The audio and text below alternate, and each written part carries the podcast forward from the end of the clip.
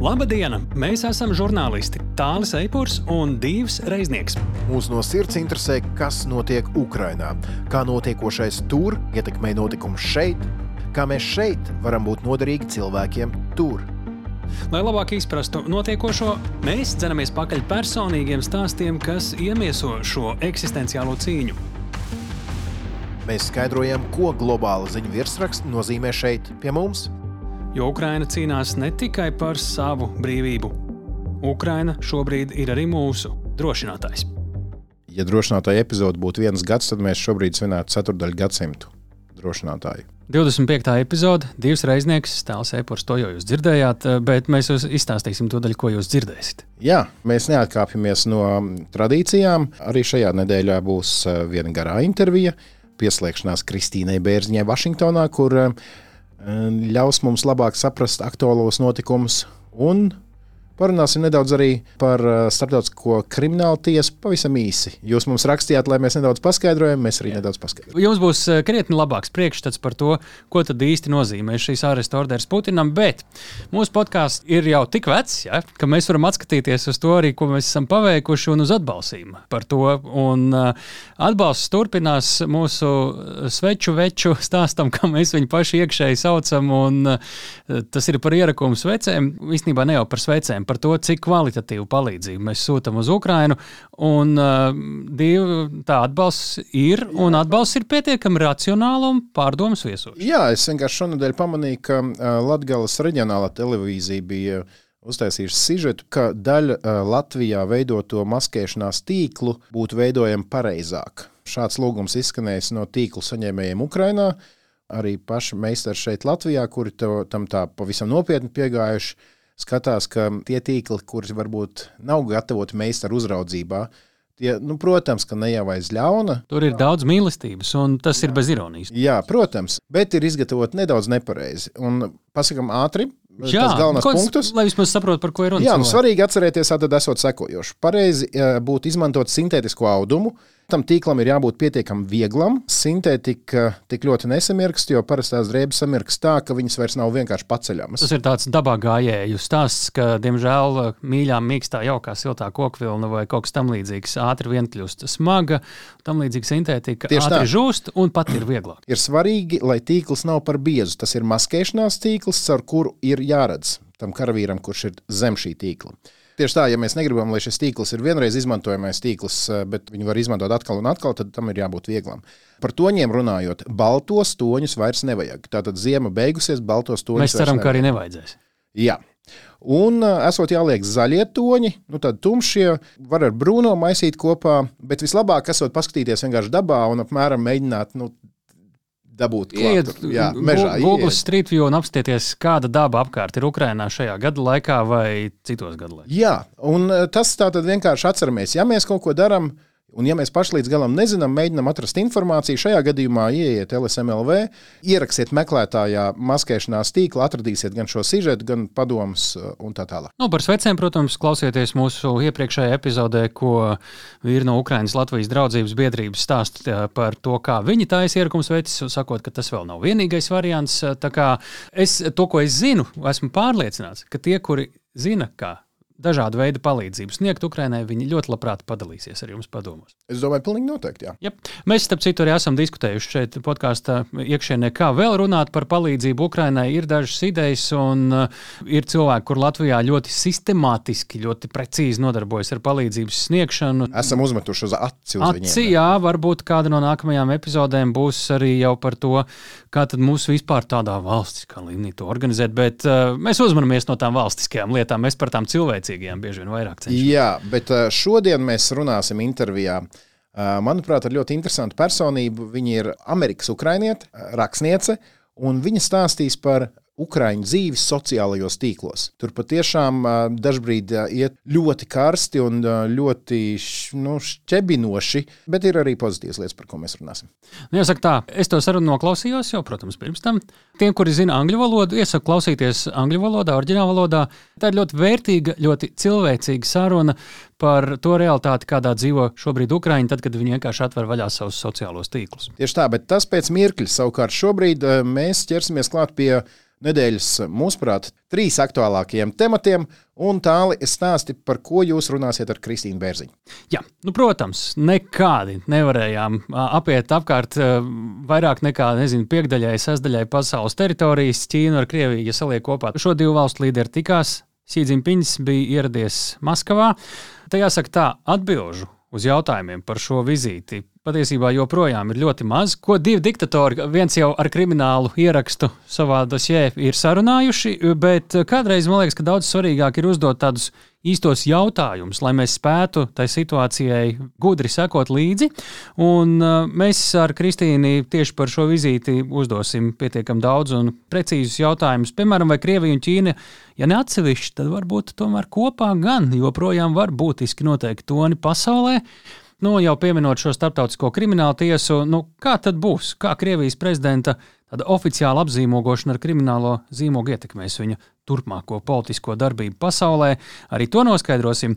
Nu, un tad eh, divus lūdzu īpašu uzmanību pievērst jautājumam par vienu polijas vēstnieku izteikumu attiecībā uz to, ko darīs Polija, ja Ukrainai karā klāsies pavisam slikti un Krievija sāks uzvarēt. Viņš teica, Polijai nekas cits neatliks kā iesaistīties. Vai viss ir tik vienkārši? Arī par to Kristīna izstāstīs. Jā, es lūdzu, un Kristīna atbildēja. Nu, tad vārds jums, Kristīna un tālāk. Sveiki, Kristīna. Sveiki, Kristīna. Sveiki, sveiki. Ļoti saspringta nedēļa ar dažādiem notikumiem, un īpaši jau pagājušās nedēļas otrajā pusē, runājot gan par Startautisko kriminālu tiesu un Vladimiru Putinu, gan par Ķīnas līdera paziņojumu, ka dosies uz Krieviju. Viņš jau šīs epizodes iznākšanas brīdī būs devies prom no Krievijas. Ķīnas līderis Sīdziņpins Krievijā tiekas ar Putinu. Un ne tikai tā garām lidojot, bet veselas trīs dienas. Viens ķēniņš otru aicina pie sevis ar pamatīgām ballēm un pārunām, un tiešām nu, tā nopietni izrādīt, cik ļoti dziļas būs arī šīs tālākās Krievijas-Ķīnas attiecības. Nu jā, un arī mēs redzam, kā mediji to atspoguļo. Tur uh, katrs solis, šī ir tur, šī dara to, ieradies tur. Tā uzmanība ir milzīga, ļoti arī ceremoniāla. Pēc kā tad izskatās šī vizīte? Te ir varianti, ko analītiķi apspriež. Varbūt tā nemaz nav īsti tuvināšanās šo valstu. Tas varbūt ir arī lielāks Ķīnas ietekmes iegūšanas apliecinājums par Krieviju. Kā tu redzi? Nu, stiprākā puse šajā vizītē noteikti ir Ķīna. Apskaties, cik ļoti laimīgi un tik ļoti cēlo ciemiņu Putins tagad ir pieņēmis Maskavā.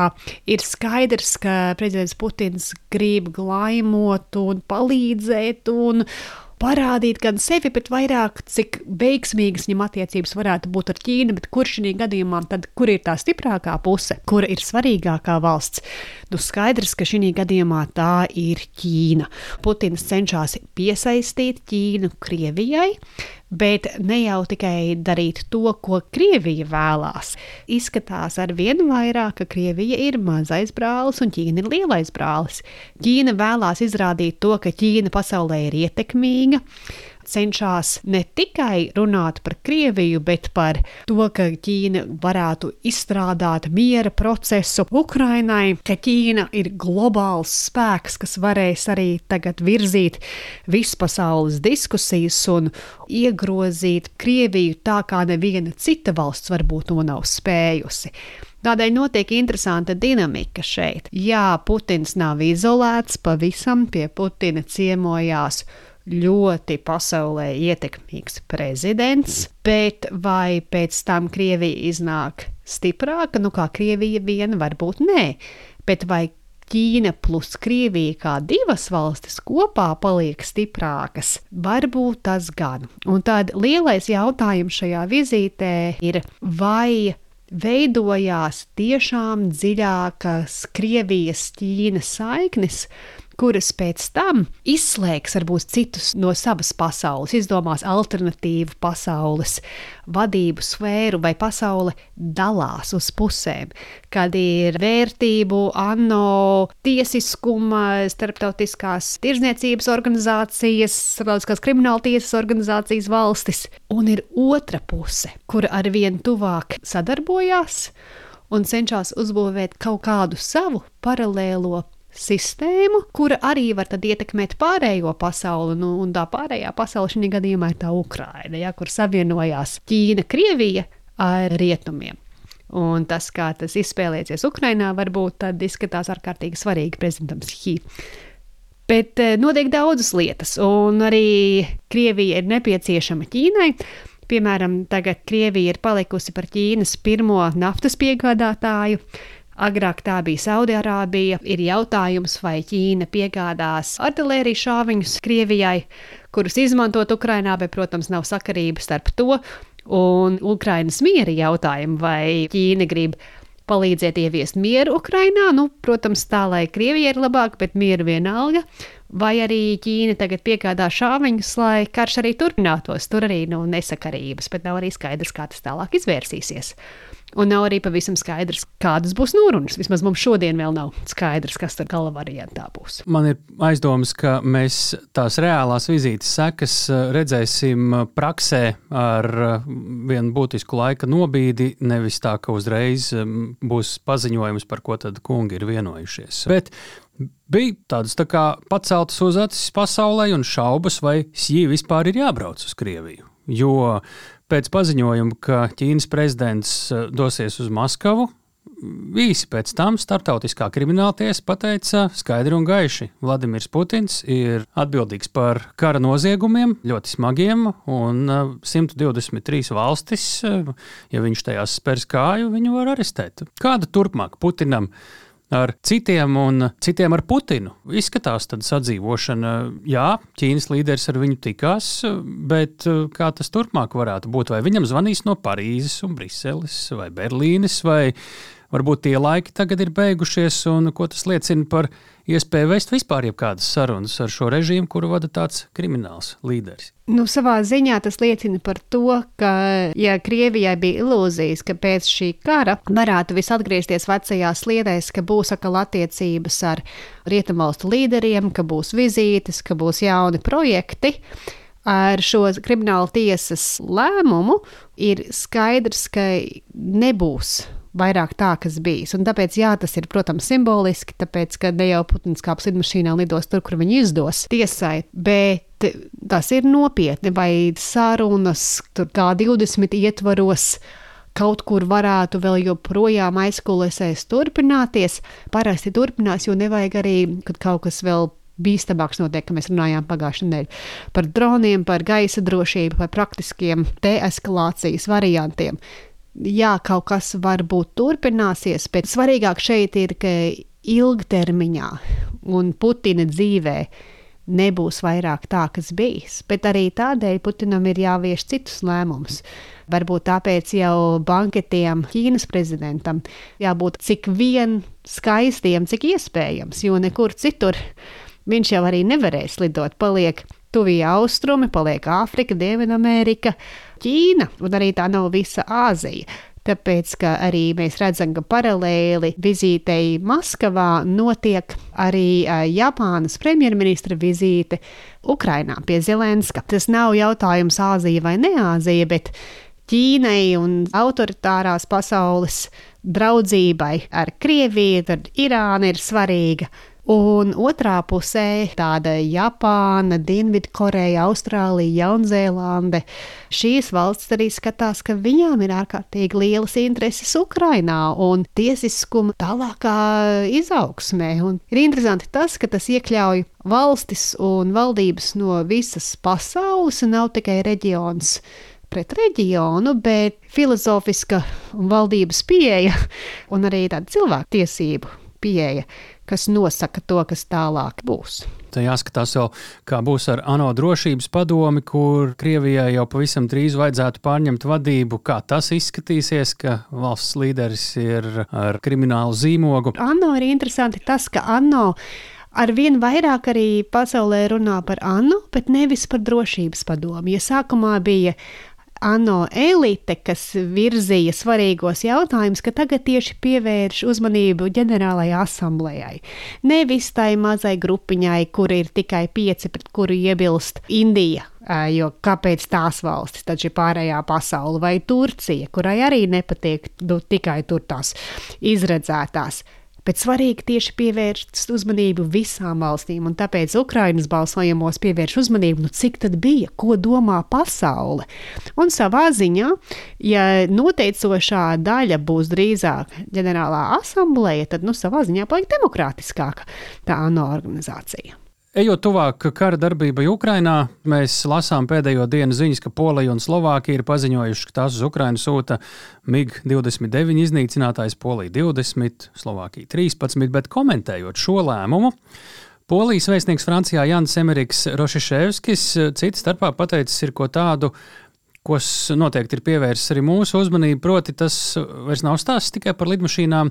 Viņš ir sacījis tā, ka, ja Ukraina zaudēs karu ar Krievijas federāciju, Polija būs spiesta iesaistīties konfliktā, vienkārši Varšavai nebūšot izvēles. Kas šis ir? Tā ir propaganda, plāna varianta publiskojums, tas, kam Polija varbūt gatavojas.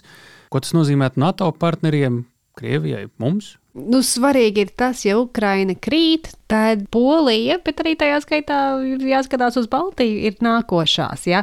Tādā filozofiskā līmenī Krievija jau neapstāsies. Ukrainā. Tādi ir uzskati daudzās valstīs. Un tad jau dabīgi Polija iesaistītos. Tas ir viens skatījums. Otrs skatījums ir, kā tas izskatītos, ja Ukraina pēkšņi sāku zaudēt dramatiski, un tad Polija gribētu vienpusīgi iesaistīties un atbalstīt Ukrainu ar saviem karavīriem. Un te lūk, paliek viss nedaudz sarežģītāks. Teorētiski, protams, Polija drīkstētu, bet kas notiek, ja tāda Krievija atbild militāri? Polijas teritorijā. Protams, nevienai NATO valstī nav liekts piedalīties konfliktos. Visā pasaulē kaut kas notiek, kur vajag iesaistīties šādi un tad. Bet, ja atbilde notiktu Polijā, tad atkal tas attiecās uz pārējām NATO valstīm.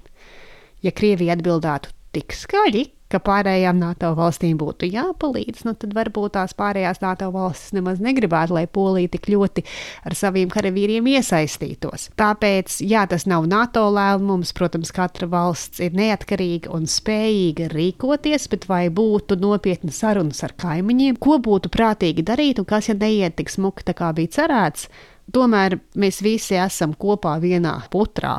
Jābūt arī saprašanai, kādas ietekmētu savus kaimiņus un savus sabiedrotos. Un tik ļoti viegli Polijai mesties Ukrainā nebūtu.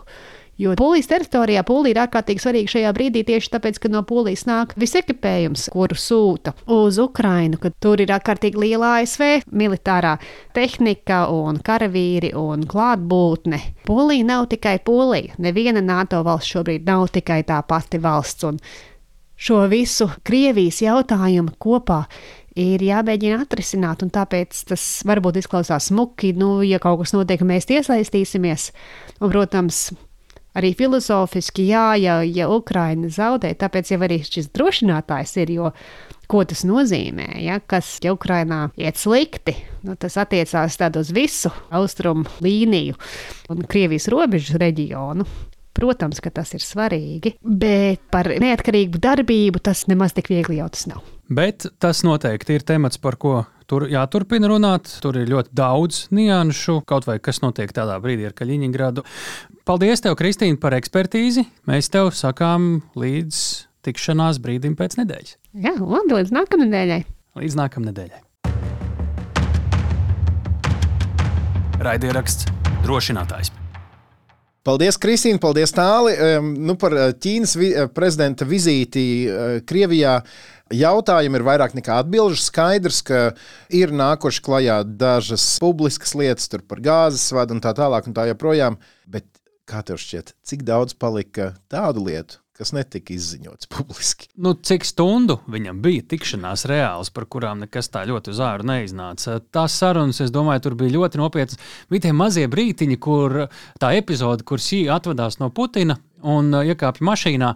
Un, uh, tur izskan tā frāze, ka šobrīd esam simtgades uh, lielākajā vēstures pagriezienā, iespējams. Daudzi novēroja šos neverbālos žestus. Nu, es pamanīju, piemēram, to, ka Putins cītīgi māja sīvu uz atvadām, sīva neko nemāja, vienkārši iekāpa mašīnā. Es lasīju dažus komentārus, ka uh, tā atvedās cilvēks, kad zina, ka to otru vairs nekad nesatiks. Ne, bet kas interesanti ir, ka tajā pēdējā dienā, kad viņš aizbrauca projām, tad Pekina izsludināja, ka pirmo reizi jaunā formātā notiks Ķīnas un Centrāla Āzijas samits. Tur- Krievija kā ir drusciņā Centrālā Azijā, bet vai tur Nē, bija nē, Krievija? tur nav Krievija. Tur jau Lūk. tā lieta, ka tur ir Kirgīzija, Kazahstāna, Taģikistāna. Taģikistāna.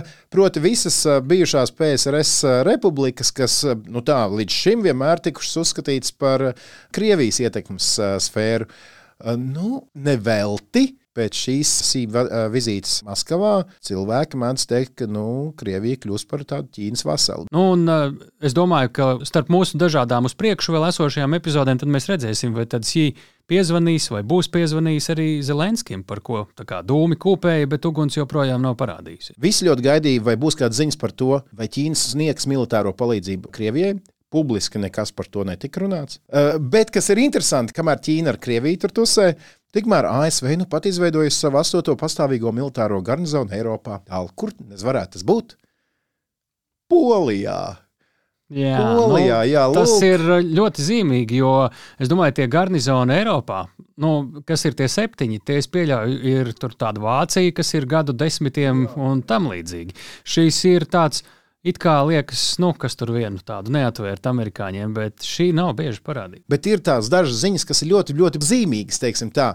Amerikāņi sūtīšot uh, nedaudz vecākus leopardu tankus, bet ātrāk. Savukārt, ar ko atbild Krievi? Nu, ar ko atbild Krievi?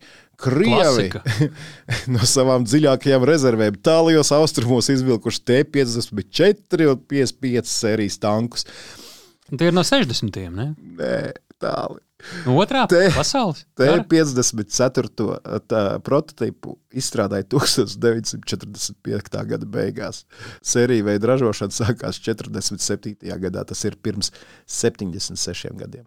Nu, tie, kas ā, apskatnieki saka, ka tos varot šaut nost nu, ar jebko gandrīz. Vai. Nē, nē, nē. saprotiet, kā ā, tanks tomēr ir tanks. Ja tas var šaut, protams, ka tas var nodarīt kaitējumu. Iespējams, viņus izmantos kaut kādos mācību poligonos, lai vienkārši iesauktie vispār saprotu, kas ir tanks. Protams, bet, mēs bet, bet to tā viss tas vizuālais ir tik. Crazy. Nu, kādus 70 gadus vecus tankus, lai arī tas tanks ir ā, tur visvairāk pārdotais pasaulē. Labi, ejam tālāk. Mēs solījām ā, paskatīties uz to Putinu un Startautisko kriminālu tiesu ā, par to, ko tas īsti nozīmē. Izejam cauri tiem dažiem svarīgākiem punktiem. Uh, punkts numur viens. Kāpēc apsūdzības ir tieši šādas? Tātad par bērnu nelegālu izvešanu un par uh, civilās infrastruktūras bombardēšanu. Uh, eksperti saka, ka tās ir visvienkāršāk pierādāmās, pierādāmās lietas. Piemēram, bērnu izvešana. Krievi paši ir devuši izmeklētājiem pierādījumus. Lūk, audio no abu apsūdzēto tikšanās, kurā Marija Vova Belova, kas ir Krievijas bērnu ombudsmens, stāsta Putinam, kā viņa ir adoptējusi bērnu no Mariupoles. Putins prasa, vai maziņš bērns, viņa atbild, nē, jau 15 gadi, un tagad viņa zinot, ko nozīmē būt mammai Donbasa bērnam. Un tas pateicoties Putinam. Сами ребенка установили из Мариуполя, да? Да. Владимир Владимирович, ну, благодаря вам. М- Маленький. Нет, 15 лет. Теперь я знаю, что такое быть мамой ребенка с Донбасса. Un tagad grib vēmt tālu. Konkrēts jautājums. Nekad, bet uh, es sapratu, tu, tu neatkāpsies. Es neatkāpšos. Es tev vienkārši pateikšu, kā ā, šī te Marija Ļuvova Belova ā, nokomentēja izdoto arestu orderu uz savu vārdu. Lieliski, ka starptautiskā sabiedrība novērtējusi mūsu darbu, glābjot mūsu valsts bērnus. Ah, Labi, ejam tālāk. Ā, Vēl ir ļoti svarīgi, ka orders ir izdots tātad diviem cilvēkiem, pašam augstākajam un pa vidiņu.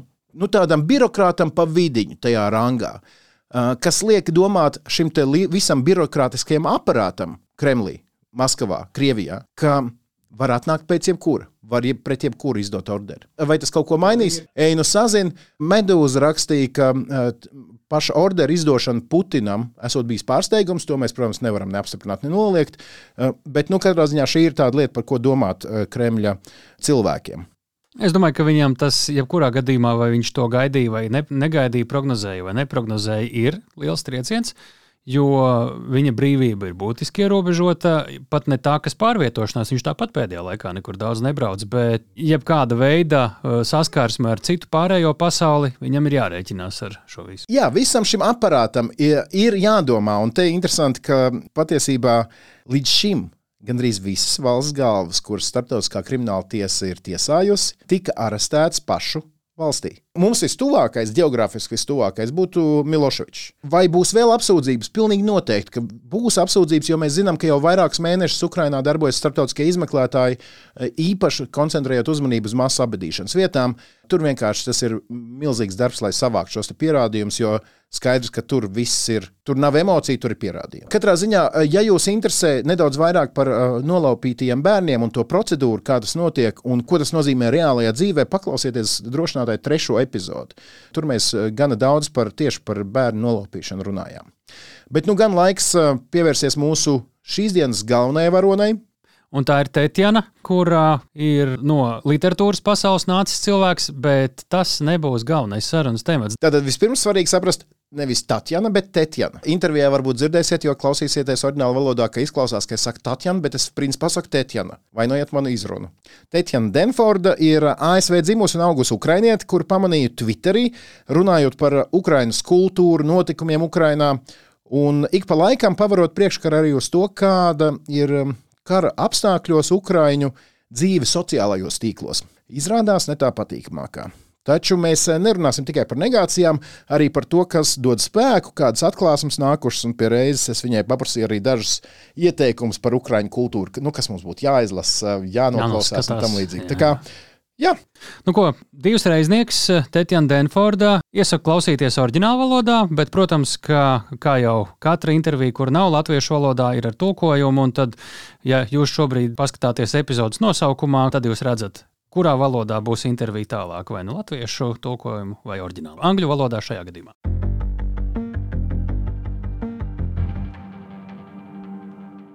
Hi, Tatjana. Hi. I have this background story why I'm talking to you now. I've uh, noticed some of your posts on Twitter where you were talking about harassment that um, many Ukrainians have to go through uh, these days. Yeah. Uh, but before we talk about that, could you just tell me a little bit about your background? Sure, of course. Thank you for having me, by the way. This is lovely. I am a first generation American born Ukrainian. I was born to immigrants who escaped after World War II. I only spoke Ukrainian until the age of seven, and I still speak it with my family, both in the US and Ukraine. I've been a professional freelance writer since the age of, I'd say, 20. Um, so I worked with fashion magazines in New York City, like Elle, Vogue. Um, and then on the side, I was also doing Italian and Ukrainian translation for publications. And then, probably in my 30s, I started writing more for internet magazines. And then I started kind of researching about, I was thinking about writing my first book.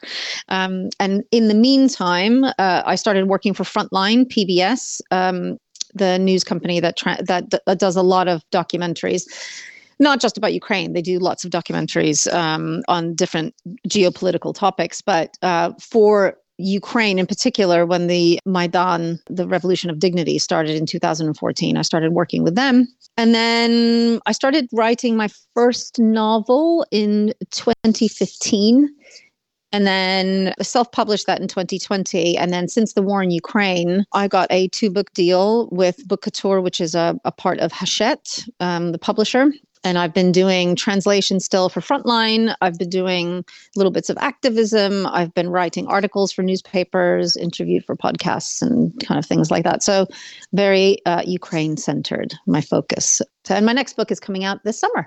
So, let's get to your Twitter account. I read your tweet. You actually had a thread explaining uh, what uh, Ukrainians have to deal online. Yeah. So I saved it and uh, then I uh, saw another tweet uh, a month later, I think, one of your tweets, mm-hmm. where you were talking again about uh, similar situations.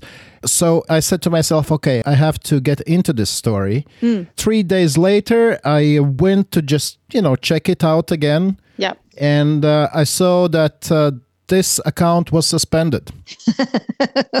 okay, Yep. okay. Uh, but I remembered that the first thread was about Instagram blocking your account and just deleting it. Yeah. So I was trying to search, and then I found you on Instagram. Yeah, I'm back. So, so tell me, uh, you are blocked from Twitter, then you are blocked from Instagram, then you are back on Instagram. Yep. Is that a normal situation for Ukrainian online right now?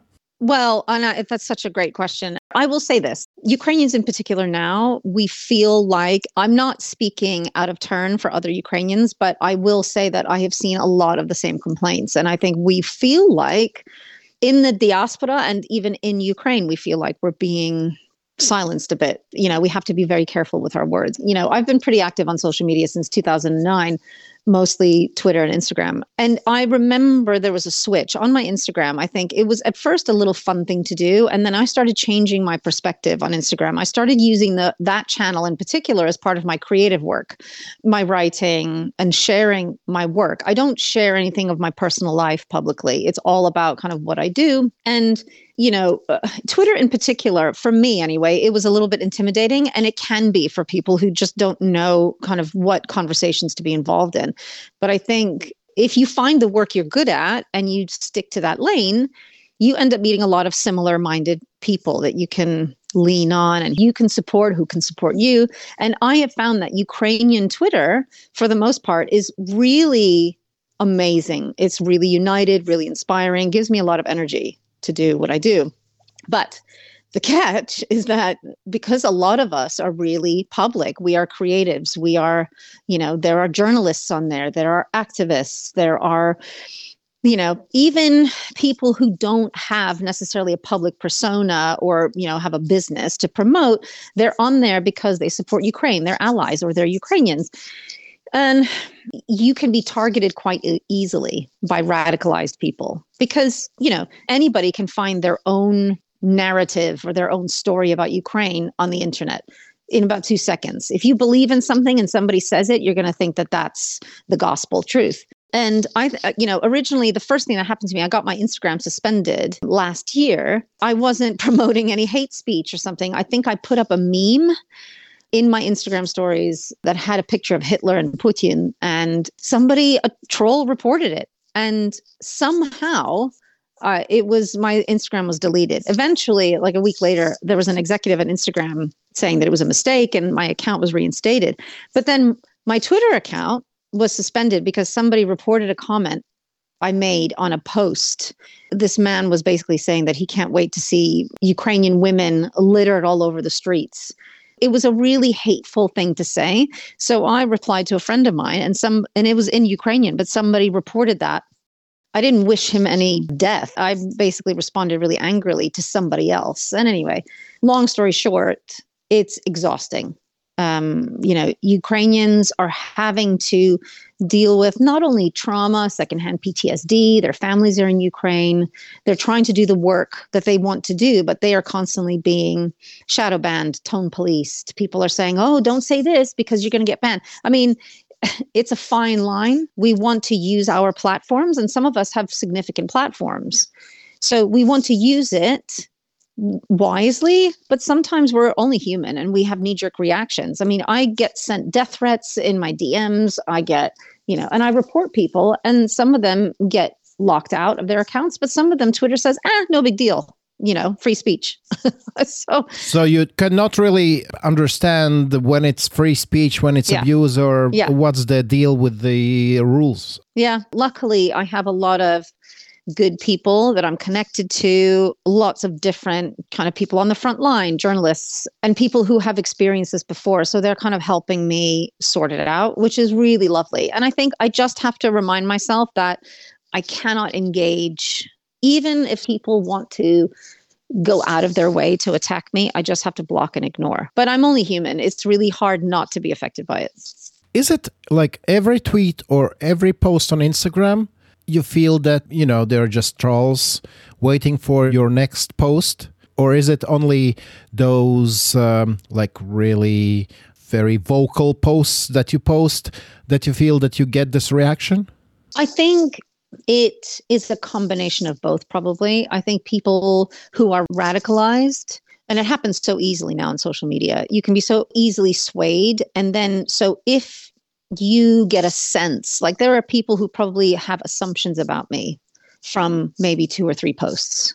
Probably if they feel like they're having a bad day and they just want to go ahead and strike out on somebody, they'll try. And if it works, well, then they win, you know. But I have to remind myself that I am not in this to argue with stupid on the internet. I'm in this to actually do some good work. And unfortunately, it was the perfect comment for somebody to go, Ooh, good, let's bring her down. I don't wish ill will on anybody. You know, I'm not that kind of person. That, and that's not the way I operate. I do sometimes spend too much time trying to teach people the truth of what's going on instead of them sharing propaganda. I find that to be frustrating because my whole life I've heard, oh, what's Ukraine? Nobody knows where Ukraine is. You're basically Russian. So I think maybe sometimes I take it too personally. Right. But do you have the sense are those real people behind those attacks? I'm asking this because we know that Russia has troll farms uh, intended to go after yeah. those who they don't like. I think it's a little bit of everything, to be honest and I've seen kind of certain people pop up in Twitter spaces, and some of them really are convinced. They are real people who say, You're not who you say you are. You're not Ukrainian. You're a Russian spy, or you support. They, they can say really outlandish things. And like I said before, I think it's really easy to be radicalized nowadays with you know social media you can go down a rabbit hole and find conspiracy theories for anything so i think part of it is real people part of it is kind of troll farms sometimes I think you get a sense of of whether it's one or the other. With this, with my kind of Twitter being temporarily suspended, I don't really feel like I want to dig around and see who reported it. I would never find out anyway, because ultimately, this is a lesson for me. Maybe I just need to not engage with people who are just trying to pick a fight. I think just a few days ago, I read a good recipe of how you can uh, tell if it's American troll.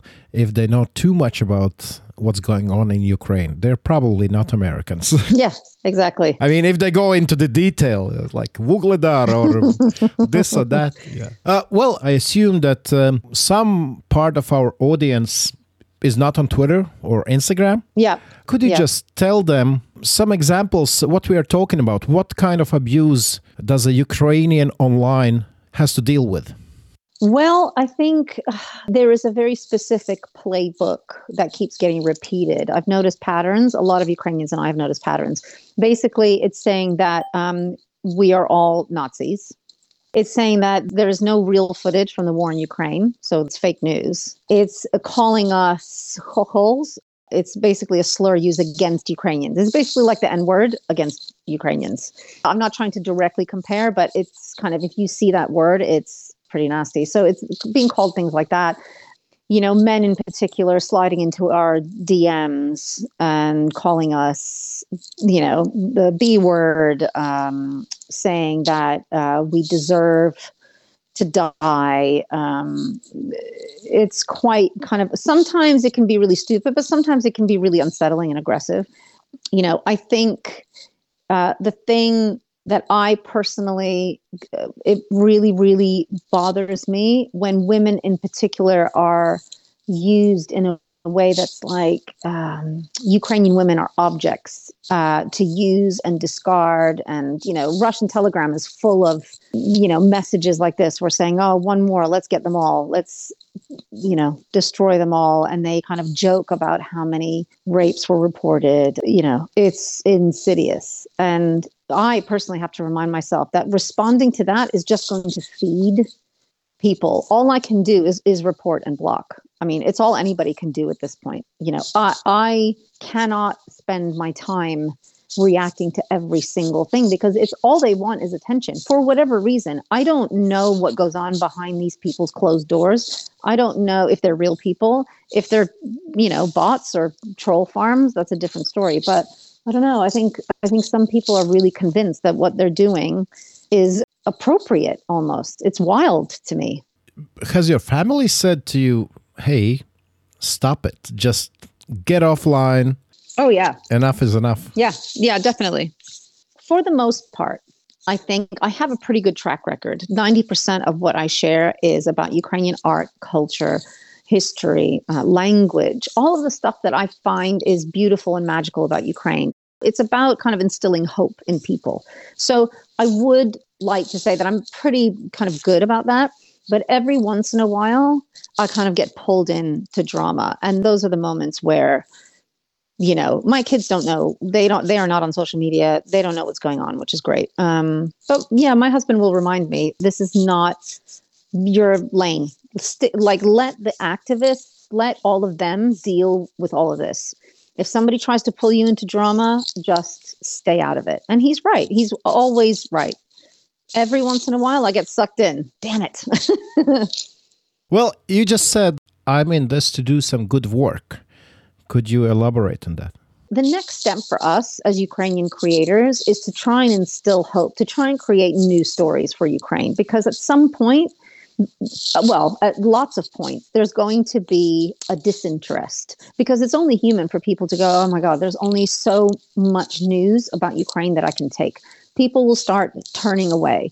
And I think us as creatives, our job is basically to say, yeah, but look at this news story. It has nothing necessarily to do with war or destruction, it has everything to do with hey, these paintings used to be called Russian. Now the Met is classifying them as Ukrainian. Or here's literature that you've probably never read and thought, or if you did, you probably thought it was Russian.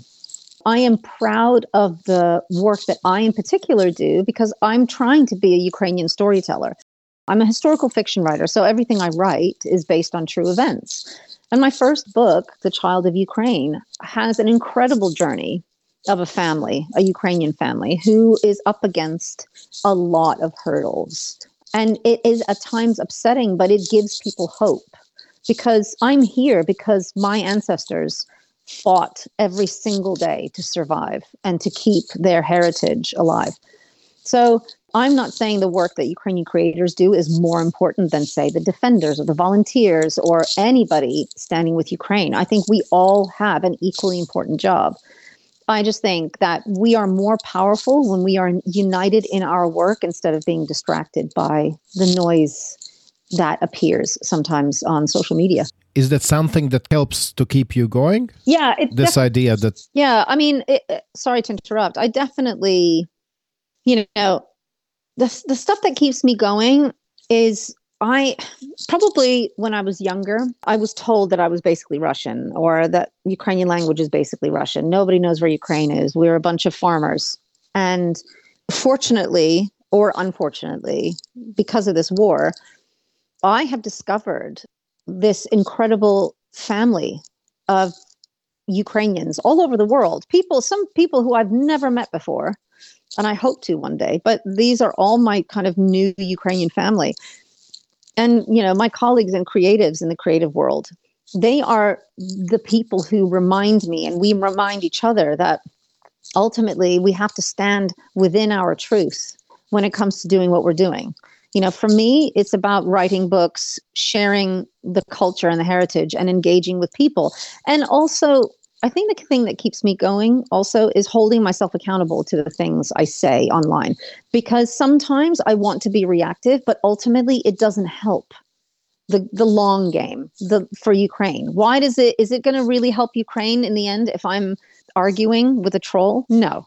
Right. You know, the goal right now is to to is is professional excellence and victory for Ukraine. Everything else comes second. Do I understand correctly that you've become more Ukrainian during the past year or more? It's a really strange thing to say because I've always been Ukrainian, but I think in my late teens, early 20s, I think I got so tired of feeling like it was a non culture and a non heritage. People kept saying that to me. I thought, oh, you know, and you kind of you ignore it almost for a little while, which is a shame, but it happens, I think, especially in your late teens, early 20s. You're discovering who you are. And maybe Ukrainian for me wasn't a part of that because it just, it wasn't understood, you know? And I think the more now that people try to erase us, the more Ukrainian we are determined to be You know, Ukrainians aren't perfect by any means. Every country has its own problems, but we are so singular minded and united and fiery and feisty. I mean, the whole world is seeing how determined and stubborn we are.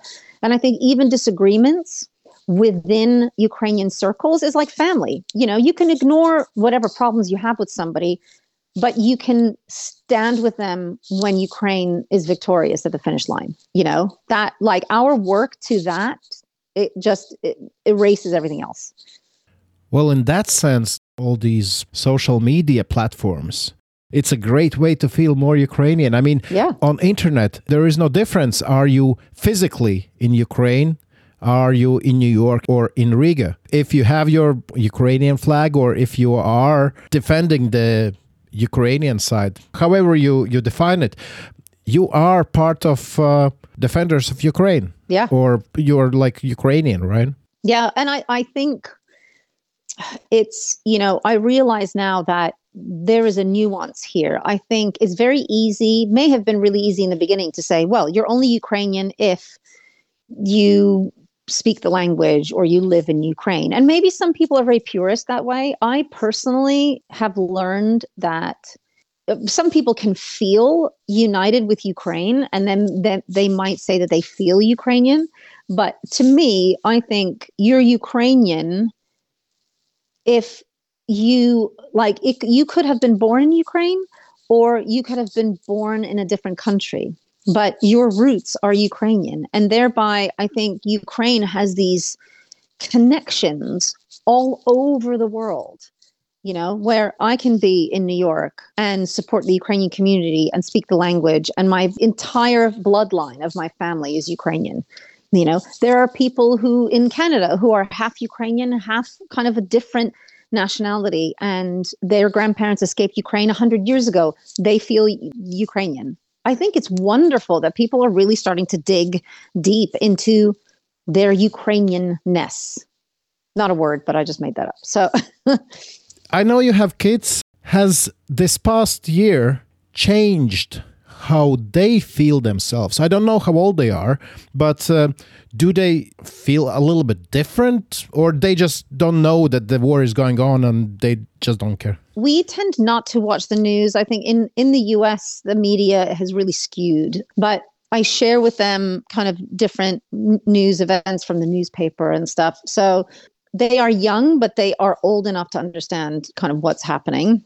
And they, through me, feeling empowered and doing the work that I do for Ukraine, they see me. They see me doing the war translations, although they don't watch the screen when I do it because it's horrifying.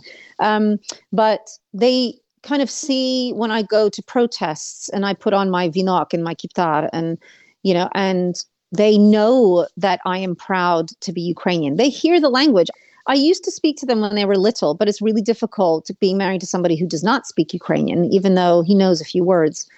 They hear me speak it with my parents. They, I sometimes say it uh, when I talk to myself. I speak Ukrainian, so they are aware that they have a little bit of Ukrainian in them as well, and they are proud of it. And when school asks them to describe me, one of the things they say is, you know, she's fearless and she's Ukrainian, which is which is lovely. um, you know, so uh, they do feel it on a on a deeper level, which is amazing. In an interview with the Scotland Sunday Post, you said during the first uh, month of the war in Ukraine, I was either crying or angry and mm. not sleeping very well. But once I started uh, translating war footage, I started to feel less helpless. So, what did you do? I mean, how did you find your place in this new reality where you cannot really stand, you know, just doing nothing? Yeah. What was your cure? I need to be somebody who's busy helping. I can't just sit back. Just in general in life, I can't just sit back and, you know, ponder. Uh, I need to feel like I'm contributing in some way. And I felt a little bit helpless. Like, well, what am I supposed to do? I can't jump on a plane to go to Ukraine because it's dangerous. And also, I can't just sit and watch the news in New York. I'll go crazy. So, what I did was I made sure that my social media channels made myself available for any perspective on the diaspora in my own kind of way. I wanted to help. And Frontline reached out to me without me asking them, because I've been working with them since 2014, and they were the ones who said, Well, guess what? we're going to start working together again because we have all of this footage that we need translated. That made me feel like I was doing my part. You know, I couldn't reach family for a little while in the beginning, which was terrifying. They're okay. But I am not somebody who points at something and complains. I want to be doing something. Even if I make mistakes along the way, I will figure out a way to help, you know, and my channels luckily had already people who had been following me for years knew that I was Ukrainian, but I made sure that my channels were very obvious. Like I am Ukrainian, so and I speak the language, so I might be useful like for anything. I made myself available for anything. Right. And it just so happens the that it was a coincidence that I wrote my first book that I published in 2020. Now, you know, a publisher picked it up because they were saying people are going to want to hear other stories about Ukrainians, like hopeful stories, not just ones where there are Ukrainians sacrificing their lives and never coming home Right. every day, which is awful. Um, like the spotlight was on Ukrainian creators, and I happen to be one of those people. And I am very honored to lend my voice when it's appropriate. I would much rather say, listen, speak to, if you want a firsthand account, I am not the person. You need to speak to Ukrainians who are living in Ukraine, who are hiding out in bomb shelters. You need to get their perspective. But when it comes to the diaspora and Ukrainian creators, I'm very happy to be kind of a part of those voices.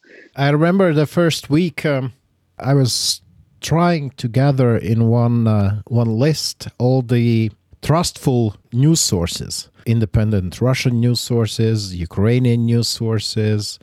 At first, I did it in Latvian, and then I thought I have to ask for help uh, from my friends to translate it in Russian, just to let the Russians uh, uh, living in Russia to see different news sources than their official media. And I did that. It took me a while. I put it on medium.com. And well, one of the biggest disappointments for me during this past year, of course, besides all the terrible stuff that's happening, is understanding that not that many people in Russia are looking for these independent stories, news sources, and stuff like that. Did you get in this trap as well that you were trying to convince somebody what's really going on? Oh yeah, Or- it's I, I I always joke that it was like shouting into the abyss. You just have to, I think, surround yourself with the right people, the verified people who will end up kind of amplifying your messages, and that's all you can do. I think if you get into a trap of trying to convince people who think that there's, you know, the Russian side makes a, a lot of sense. There is no way, like I said before, it's so easy to get radicalized. There is no way that you you're just going to waste time convincing these people. Right. And you know what? If they believe in that line of thinking, you have to choose other ways to feel like you're making an impact. And I think I was lucky enough to be now connected to. I mean, my social media on Twitter, my audience grew from like 2,000 people to now over 12,000. But it grew organically because I started having conversations with people on the ground, you know, people who work for a Kiev Independent and not the Kiev Post. And Right. you know, people who understand the nuances of why Navalny isn't the savior that the West thinks he is. All of these things, they we help amplify each other because it's the same message. I think if I just get into a random conversation with somebody about Navalny, sometimes people do go, "Oh God, I had no idea," but a lot of times people just think.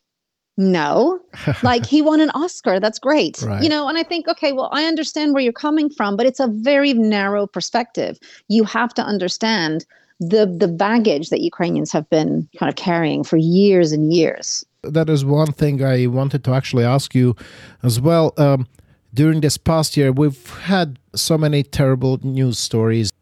Ukrainians have lost their family members, friends, but uh, has this year brought something that gives you hope? You said about, you know, good supportive feeling sometimes online that you have uh, Yeah. people who have your back. But yeah, tell me about that. Uh, uh, is there anything positive uh, that uh, has been happening in the past year? I love this question, but I hate using the word positive, but I know where you're coming from. It's, you know, Sure, the, sorry. the no no no no but it's a it's a valid question like the you know war to me is uh, like so unnecessary but you know, the interesting and maybe even empowering thing that has come out of all of this mess is that Ukrainians, including me, have found a community everywhere in the world who we can rely on, be challenged by, inspired by. We have all kind of experienced this new evolution or even revolution in our Ukrainianness that may have been a bit sleepy, you know, when we were younger. Right.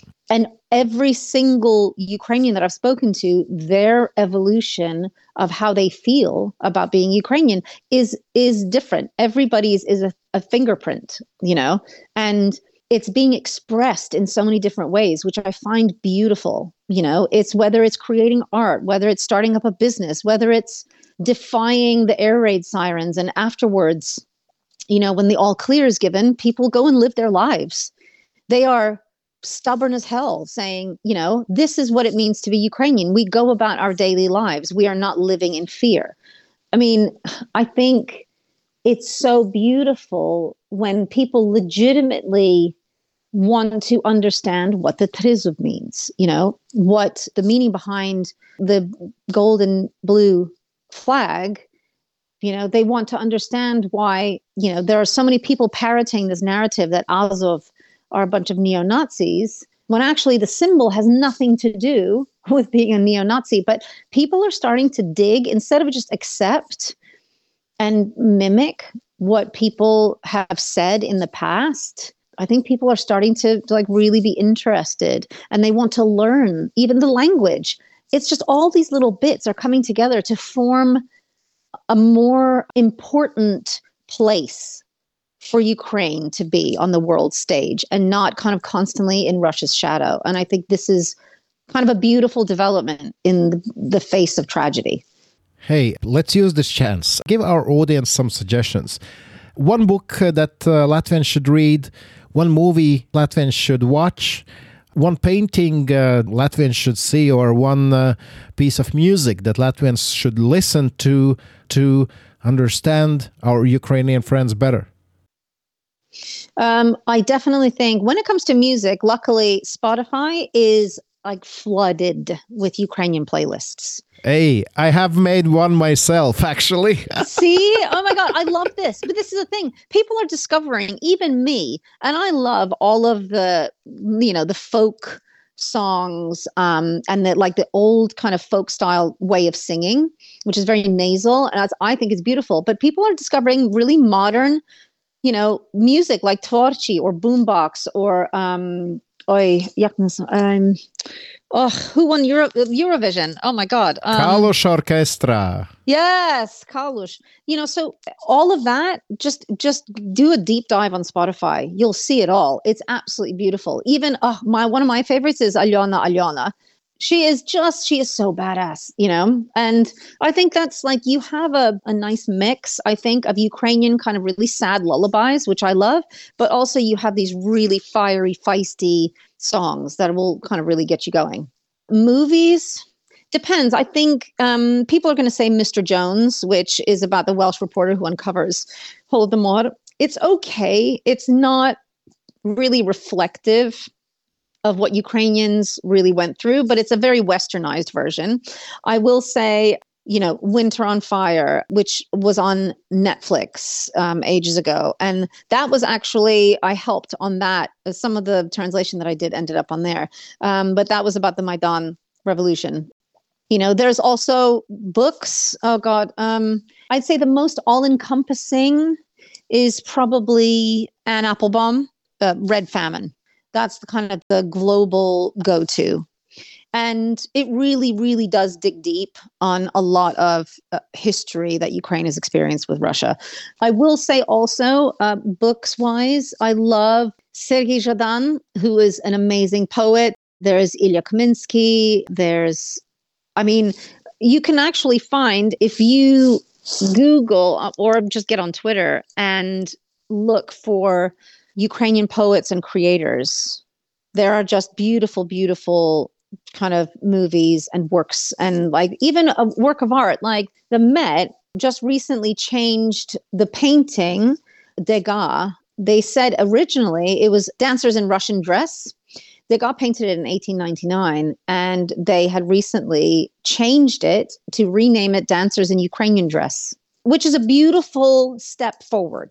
We could probably go for an hour, hours and hours, right? I know, I could, I could. Yeah. We're nearing the end of our interview, but I have to ask you about your book, uh, "The Child of Ukraine." Yes. Among uh, like everything else, it deals with the tragic history and tragic choices that Ukrainians had to go through, and Latvians understand them. Um, very well, I guess, because lots of these were also Latvian experiences. My question is uh, knowing all the history and taking into account the current struggle for freedom, in what ways Ukrainian society, in your opinion, will be different after the war than before it was? Or is it uh, too early for such question? Um, no, I think it's a good question. It's always good to kind of imagine uh, what the future holds because I think it's hopeful. I mean, after the war, the thing I guess that worries me is uh, I'll start with the negative and then I'll end with the positive. I think what worries me is the trauma and the pain that generations are going to feel as a result of this genocide. I mean, that is really the hardest work. Ukraine will rebuild, they are resilient, countries will help, but the invisible destruction of so many lives will take lifetimes. You know, and I can't speak for Ukrainians in Ukraine, but I can only speak from my own perspective and my own hope that Ukrainians will be more united than ever against colonialism, against cultural erasure, and more vocal than ever about the the assumption that something is Russian instead of being Ukrainian. I think people are going to start asking more questions, you know, and I do hope that this will enable people who are not Ukrainian to fight right. for the marginalized and the ignored. And I hope that people will be able to stand up against entitled rich men who seem to have like a very easy uh, time of ruling without any boundaries. You know, I think that's the that's the hope that I have, and I think Ukrainians are really kind of changing the world and changing. You know, and I think that's why Ukrainians stand with the people of Syria, Iran. You know, because you see in Georgia the protests. You know, you see how we understand the fight we understand like ukrainians are saying like look th- if something is not okay we revolt we protest. Even if it costs us lives people are unafraid to you know block a tank with their body or uh, say slavo Ukraini and then you know unfortunately they're gunned down. It's it's horrifying but it shows that there is strength underneath and we'll get to that point. Not without trauma obviously which is awful but there is that hope. There is that hope. We're not just lying down going, that's it. We'll we'll do we'll agree to concessions as long as as we have peace. No, we're standing up for what's right. My hope is that Ukraine is going to be everything that Russia is not, or in some sense, yeah. Ukraine is going to be anti-Russia. Is this too simplistic way to think about things? Um, at the moment, no, because it's an emotional subject. I think many Ukrainians are very anti Russia, anti Russians. Myself, yes, I feel like I am. I feel like, you know, a lot of us want to wipe Russia off the face of the earth, but I'm also curious as to how Russia is going to change. I don't know if they ever will. I don't know. And maybe I'm being a bit idealistic and naive. But at the moment, it's fair, I think, for Ukrainians to be able to say without being told that it's wrong. I think it's fair for Ukrainians to say, I hate Russia. I hate Russians this is all because of all of them. It's not just Putin's war, it's everybody's war who enabled this. So I understand why. People have to understand that that's the perspective that a lot of Ukrainians have right now. Well, we usually end our interview with the same question. We're boring in that sense. Uh, what should I wish you personally? Oh, dear. Um, Get your accounts back, right? Exactly. That, yes, that would be helpful. But also just to kind of focus on my the work that I need to do and not get distracted, probably. All right. Thank you so much, uh, Tatiana. And uh, how do you say thank you in Latvian? Paldies. Paldies. Дякую. Oh. Слава Україні. Ah, героям слава. Дякую вам. Divas reiznieks un Tētjana Denforda ļoti cilvēcīgā sarunā par Ukraiņu ikdienu, sociālajos tīklos cenšoties stāstīt par Ukrainu. Man aizķērās tā frāze, ka nav pārāk daudz jāuztraucās par to, kas tur slikts notiek, ka galvenais ir mēģināt izdarīt eh, un eh, parādīt pasaulē to savu stāstu daļu, jo ar tiem krievu troļļiem izkauties eh, īsti man liekas, ka nevar. Viņi tur taisa to savu paralēlo visumu. Nu, tā ir patiesībā mācība mums visiem. Nu, Angliski ir tāds teiciens, choose your battles. Izvēlies tās savas cīņas. Nu, kam ir vērts veltīt enerģiju un kam nav vērts veltīt enerģiju. Un, ja jūs tikai sākat savu dzīvi Twitteros, vai Facebookos, vai Instagramos, uh, nu, vispirms, protams, katram ir ragi jāaplauž, bet uh, tad jau sapratīsiet, kad ir vērts iesaistīties kādās diskusijās un kad tas ir neliederīgi. Un palīdzam Ukrāņiem sociālajos tīklos. Tā kā nu varam. Tieši tā, tieši tā. Viena lieta, ko mēs nepieminējām, starp citu, ir, tu Twitterī uh, bieži viesis, tu noteikti zini tādus NAFO, North Atlantic Fellas Organization. Uh, kas patiesībā ir tāda neformāla kustība, kurai nav ne priekšnieka, ne, ne saimnieka. Lapsiņu bildītēm regulāri. Nē, suns tas ir. Suns, tas ir, jā, jā šibo suns tas, tas ir. Un, ir tas, jā, jā, jā, jā. Un, un, un tie ir tādi principā, kuri, jā, ja rekur ir kāds trolls, tad aizstāvam savējos vai vēl kaut ko. Un, Un, ja sākumā tas bija tikai tā, hihihaha, interneta jociņi un mēmes, nu, jau ir sistematizējies. Jā, jā viņi ir uh, dažādas labdarības akcijas veids un reāli palīdzības sniedz. Uh, Un starp citu, Igaunijā, kur arī ir šādi aktīvisti, Igaunijas digitālā kaut kāda lielā nacionālā balva pat iedeva viņiem pirms kāda mēneša, diviem iedeva speciālu balvu šai neformālajai kustībai internetā, kas cīnās par un ar Ukrajinu. Es varu ieteikt Twitterī, jūs gribat tādu saturu, kas ir pro-ukrainisks, bet pašā laikā krievu valodā var padalīties ar uh, saviem draugiem, kuri varbūt uh, krieviski domā citādi. Ir Latvijas vatņiki, tāds labs uh, konts, kā to saka pareizi podkāstu valodā, šautauts viņiem. Ja? šautauts, ok, jā. labi. Jā. Tāds uzsauciens. Bet, ja jums šķita šī saruna interesanta, nu padalieties, iedodiet mums savu šautautu. Jā, padalieties ar cilvēkiem, dodiet linku. Jūs varat mums rakstīt drošinātājs at Latvijas radio LV. Tāpat uh, lietojiet hashtag drošinātājs Twitteros un visur citur. Un, um, jā, es ceru, ka arī mūsu šīs nedēļas galvenā viese Tetjana Denforda drīz atgūs savu Twitter kontu, kā viņai tas izdevās ar Instagram. Un, uh, jā, cīnāmies! uz priekšu. Nu, un, uh, es saprotu, mūsu galvenajam sociālo tīklu un dažādu faktu meklētājiem, divam reizniekam, ir atradies pie rokas arī nedēļas citāts. Ah, jā, uh, šis ir, šis ir no BBC eh, intervijas ar Ukraiņas ārlietu ministru Dmitro Kulebu. Es tagad uzreiz pateikšu to tulkojumu, lai man nav virsū pēc tam jārunā. Viņš saka sekojošu lietu. Ukraina vēsturiski bijusi netaisnīgi nenovērtēta. Man žēl, ka vajadzēja asins izliešanu un postošu karu, lai pasaule saprastu, cik nu, kūlīgi, forši, stilīgi mēs esam. Mēs vienmēr tādi esam bijuši. Vienkārši jums vajadzēja pārāk ilgu laiku, lai to saprastu. Historically, Ukraine was unfairly underappreciated, and I regret it took a bloodshed and a devastating war for the world to realize how cool we are. And we, we were always cool, but it just took you too much time to realize that. Tas ir Ukraiņas ārlietu ministrs Dmitro Kuleba, bet mēs jums sakām, drošinātājs skaidri un personīgi par karu Ukraiņā.